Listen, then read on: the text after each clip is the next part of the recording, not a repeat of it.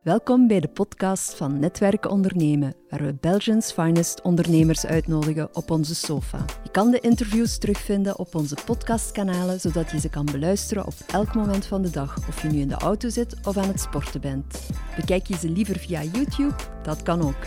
We've got you covered. Vandaag hebben we Luc de Naaier van Curious bij ons op de sofa. Uh, welkom Luc. Uh, misschien eerst en vooral uh, stel jezelf eens even voor aan onze kijkers. wie ben je en misschien ook jouw achtergrond? Ja, dus mijn naam is Luc de Naaier. Ik ben enige tijd de CEO geweest van Xelos, een, ja. een techbedrijf. een cloud integrator die ook heel erg bekend is voor ons user adoption.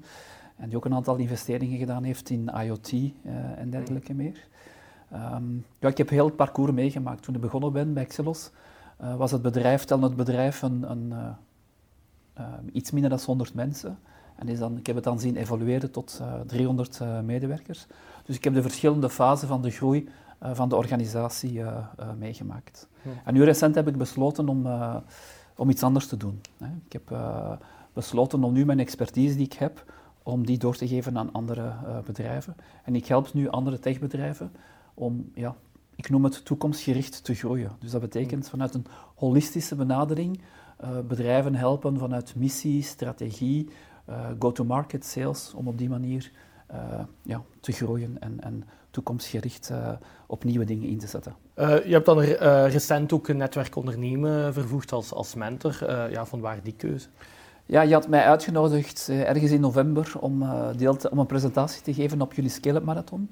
En ik heb toen een ongelooflijke dynamiek gevoeld. Uh, heel veel jonge, uh, leuke bedrijven ontmoet. En ik dacht, ja, daar wil ik deel van uitmaken om eigenlijk ook mijn expertise door te geven aan, aan, ja, aan die jonge starters. Uh, dus ik vond dat een leuk initiatief. En vandaar dat ik mij lid heb gemaakt. Of gevraagd heb, mag ik lid worden van, van jullie, uh, van jullie nee, organisatie. Ja. Dergelijke mensen met zo'n expertise hebben we en, en met zo'n mooi, mooi traject hebben we heel graag bij Netwerk ja, dank je. Op die Scale-up Marathon vertelde je ons ook meer. jullie zijn bij, bij Silos Employer, um, ja, Employer of the Year geworden met de, de KMO's segment, waar jullie met de top 5. Um, ja, uh, in het ICT-wereldje is er toch wel echt een war, war of talent aan de gang. Hè. Iedereen zoekt goede profielen. Uh, dus hoe, hoe hebben jullie dat kunnen bewerkstelligen? Wat is dat traject geweest binnen Xilos dat, dat je echt hebt gezegd van... Ja, kijk, wij, wij, wij hebben echt wel uh, ja, die, die award kunnen binnentrekken. En, en ja, ja. Het, het heet Best Workplace. En, ja, okay. we zijn eigenlijk Best Workplace geworden. ik denk omdat we daar ook een ambitie van gemaakt hebben. Ik denk als je een best workplace wilt worden, dan moet je daar een strategisch objectief van maken. En dat hebben we ook gedaan. We hebben eigenlijk in ons strategisch plan, Xelos 2021, de ambitie uitgesproken, want wij willen een best workplace worden. Mhm. Natuurlijk, in het kader van War uh, for Talent is dat een, een belangrijk aspect. Uh, en ja, als je daar een strategisch uh, objectief van maakt, dan, dan ga je actieplannen maken, ga je er ook naartoe werken. Mhm. mijn, mijn geloof is altijd dat meer als tevreden mensen leiden automatisch naar meer als tevreden uh, klanten. klanten. Dus inzetten op, op medewerkers is voor mij altijd mijn, ja, mijn fil rouge geweest. Maar hoe gaat je dan concreet mee aan de slag? Hè? Je kunt zeggen, dat is een strategisch objectief, maar ja, allez, voor onze, veel van onze kijkers zijn start-ups, scale-ups en, en inderdaad uh, het is soms niet gemakkelijk om, om, om de juiste mensen aan te trekken. Ja, ja. Uh, en dan heeft men zo wel, wel nood aan van, ja, oké, okay, hoe, hoe start ik hiermee? Buiten dat dat voor ons belangrijk is, maar... Ja, ja er zijn een aantal aspecten die daarin uh, belangrijk zijn. En natuurlijk, er bestaat geen... voor een best workplace bestaat er geen eenduidige formule. Nee. Het is eigenlijk een mix van een aantal aspecten. de dingen waar ik persoonlijk heel hard in geloof, zijn gedeeld leiderschap mensen verantwoordelijkheid geven en ervoor te zorgen dat ze eigenlijk mee opgezogen worden in de organisatie. Dat ze ownership nemen. Mhm. Daar geloof ik heel hard in. Een ander aspect waar ik ook uh, heel hard in geloof is sense of belonging, zoals ze dat noemen. Mhm. Dus dat betekent dat als organisatie een, uh, een sterke missie uh, uit, uitzetten, een North Star, en daar eigenlijk de mensen ook in bij betrekken, zodanig dat ze ook weten waarom dat ze doen wat ze doen. Mhm. Dat is ook een aspect waar ik heel hard in geloof. Uh, authenticiteit, uh, denk ik, is superbelangrijk. Uh, de mensen de kans geven om, om zichzelf te zijn. En daar als CEO ook het voorbeeld van te zijn, mhm. van authentiek uh, te zijn. Authentiek leiderschap. Authentiek leiderschap vind ik uh, super, uh, ja, vind ik super belangrijk. En dan een ander aspect ja, is vertrouwen. Mhm. ik geloof super hard in het gegeven dat als je de mensen vertrouwen geeft, gaat dat automatisch leiden tot betrokkenheid, gaat dat leiden naar verantwoordelijkheid zien en gaan de mensen op een, ja, op een positieve, mee, positieve manier meewerken aan het resultaat van de organisatie. Mm. En dan al die aspecten uh, ja, leiden tot een fantastische organisatie. En je spreekt over gedeeld leiderschap. Um, je hoort momenteel ook heel veel, ook zeker in, in de start-up, scale-up community, rond uh, zelfsturende teams. Hoe, hoe, moet ik dat zien ten opzichte van elkaar? Want zelfsturende teams heeft ook wel zijn pitfalls. Ja. Gedeeld leiderschap, is dat een... een, een ja, hoe, hoe ziet je dat? Uh, maar ik geloof uh, eerder in het principe van zelforganiserende teams. Mm -hmm. uh, en daar is een belangrijke nuance. Voor mij is de nuance dat, dat een zelforganiserend team een sterk kader nodig heeft. En als mhm. je de mensen, als je de teams een sterk kader geeft, en zeg van kijk, dat is het kader waarbinnen dat je moet opereren, maar daarin neem je zelf je verantwoordelijkheid binnen dat kader, dan gaan ze ongelooflijk uh, sterk, uh, sterk werken. Maar natuurlijk, als je verschillende teams, want de organisatie van 300 mensen heeft verschillende teams en die moeten natuurlijk ook een bedrijf vormen. Mm -hmm. Dus vorm een goed kader, een heel sterk kader en geef binnen, daar, binnen dat kader de mensen de vrijheid om te ondernemen, om met initiatieven af te komen en dergelijke meer. Mhm.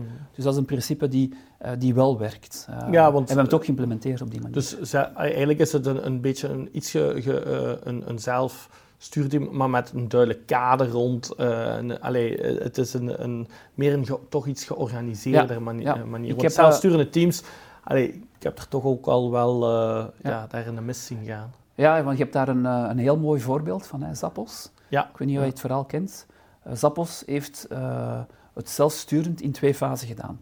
Mm -hmm. uh, hij heeft, is enorm beginnen boomen, boomen toen het hem zelforganiserend is gaan worden. En dat hij gezegd heeft tegen de mensen van kijk, dat is het kader en daarbinnen kunnen, krijgen jullie heel veel vrijheid. Dat heeft eigenlijk enorm een boost gegeven aan de organisatie. En op een zeker moment heeft hij beslist, we gaan dat kader nu ook wegnemen. Het management valt eruit en mensen gaan zelf hun eigen ding doen. En dat is eigenlijk super, allee, dan is het eigenlijk fout beginnen te gaan. Omdat de mensen mm. geen houvast meer hadden. het is belangrijk, als je inzet op zelforganiserende teams of zelfsturend, dat je toch wel een kader geeft. En als je dat kader geeft en je mixt dat goed met, met de nodige vrijheid, ja, dan ben je goed bezig, vind ik persoonlijk. Ja, mooi, mooi verhaal. Ja. Um, en dan, uh, ja, wat, wat brengt uh, de toekomst? Xilos, uh, nu Curious, wat, wat zijn de... Zijn de ja, misschien een, beetje de, de, met Curious. Waar, waar, wil je naar, naar richten? Want ja, het is ook een beetje een sprong die, die je zelf maakt. Ja, ja. Goh, ik heb nu natuurlijk wel wat ervaring en mijn ambitie is om eigenlijk mijn ervaring door te geven aan andere techbedrijven, om, om hen te helpen, zoals ik daar straks al vertelde, om, om toekomstgericht uh, te groeien. Um, neemt je de klassieke techbedrijven, dan hebben, zij, dan hebben die de uitdaging om de nieuwe wereld te pakken. Mhm. Neem je dus start-ups, scale-ups, die hebben de nieuwe wereld gepakt, maar die hebben een gebrek aan structuur, organisatie. Dus ik denk dat, dat heel veel techbedrijven, want ik kom natuurlijk uit de techwereld, zitten met een uitdaging die weliswaar verschillend is, maar wel, kijk, hoe pakken we deze nieuwe wereld? Mhm, en hoe gaan we groeien? En, je zit eigenlijk tussen beiden? Ja, ik zit tussen beiden. Uh, het is eigenlijk de blend van de twee die een, die een fantastische organisatie kan, kan maken. Hè. Mm ja, mooi.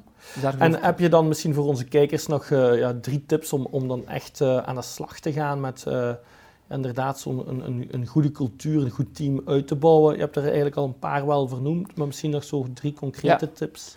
Goh, als je het hebt over uh, cultuur, dan geloof ik heel hard in het principe van uh, leading by example. Ja, okay. De cultuur van een organisatie, uh, of dat, hoe dat je nu draait of keert, wordt toch heel sterk bepaald door de identiteit, door de uitstraling van de CEO. Ja. Dus wat je zelf uitstraalt, wat je zelf meeneemt naar je organisatie, hoe je jezelf profileert, gaat toch heel hard de, de cultuur van een organisatie mm. bepalen. Ik denk dat dat een hele belangrijke is. Ja, want een, uh, een, een, een, cultuur is geen PPT, dat is iets dat je bent. En als je het mhm. leading by example hebt, dan, dan lukt dat wel. Mm. Uh, ja, je ziet maar al te vaak dat dat een slogan aan de muur is. Ja, en, en dat eigenlijk, en de CEO zegt dat wel, maar at the end of the day je moet het uh, gewoon zijn. Zelf je moet het, ook gewoon Je moet het beleven, je moet het uh, uitstralen. Het moet, moet, eigenlijk het deel, het DNA van de CEO ja. ook worden. Ja, het, ja een, een, uh, de, de CEO moet het uitstralen. En wat wij ook gedaan hebben bij Excelos, we zijn de mensen ook gaan bevragen. Mm. Gaan bevragen van, kijk, hoe, hoe, hoe, zien jullie de cultuur? En natuurlijk, het is, een cultuur is wat je bent. Mm. En natuurlijk ga je een stukje gaan bij, uh, uh, bijschaven, maar dit is gewoon wat je bent. Hè? Ja. Dus leading by example, ja. één. Twee, ik heb het daar straks ook al gezegd, maak er gewoon uh, een, een, ambitie van. Maak de ambitie mm. om een fantastische organisatie te worden. Ja. Spreek het uit, maak er een strategisch plan van. Dat vind ik heel belangrijk. En ten derde zou ik zeggen, uh, creëer een sfeer van ja, work hard, play hard. Want dikwijls wordt een fantastische organisatie gelinkt aan leuke eventjes, een kikkertafel mm. enzovoort, maar dat is het niet. Het gaat om, om, de sfeer, de cultuur, het engagement en het gaat ook om hard werken. En ja. als je er allemaal samen naartoe streeft en je combineert dat inderdaad met, met uh, play hard, ja, dan ben je ook goed, uh, goed bezig. Dankjewel, Luc, voor de, de insights. Hebben jullie uh, vragen uh, voor Luc, kan je die altijd hier onderaan uh, onze YouTube-film zetten, commentaren plaatsen. verder nodig ik je uit om je te abonneren op ons YouTube-kanaal en dan zie ik je graag terug in een van onze volgende sofa.